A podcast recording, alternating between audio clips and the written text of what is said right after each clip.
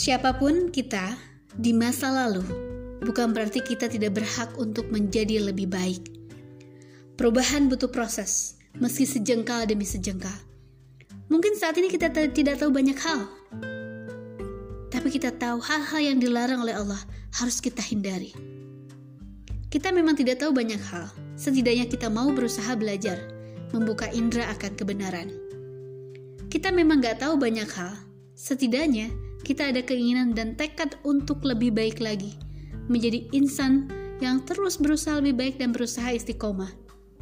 Kita memang gak tahu banyak hal, tidak memiliki pemahaman lebih akan agama Islam, kemampuan baca kitab, terjemahin, tafsirin, atau banyaknya hafalan ayat Quran dan hadis, seperti orang-orang itu.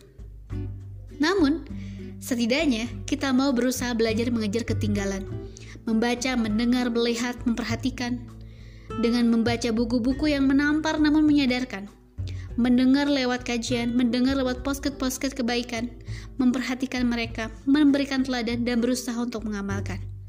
Mungkin saat ini kita belum menjadi insan yang baik. Membaca ayat Al-Quran, menambah hafalan, infak sedekah yang masih ogah-ogahan, memakai pakaian yang masih abal-abalan, takwa yang sering terlalaikan. Entah bagaimana kita di masa lalu.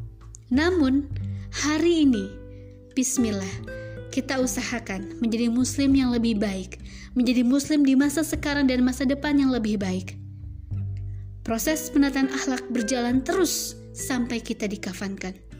Semoga kita tetap istiqomah teman-teman, konsisten, semangat menggapai cita yang kita usahakan semangat lebih baik lagi.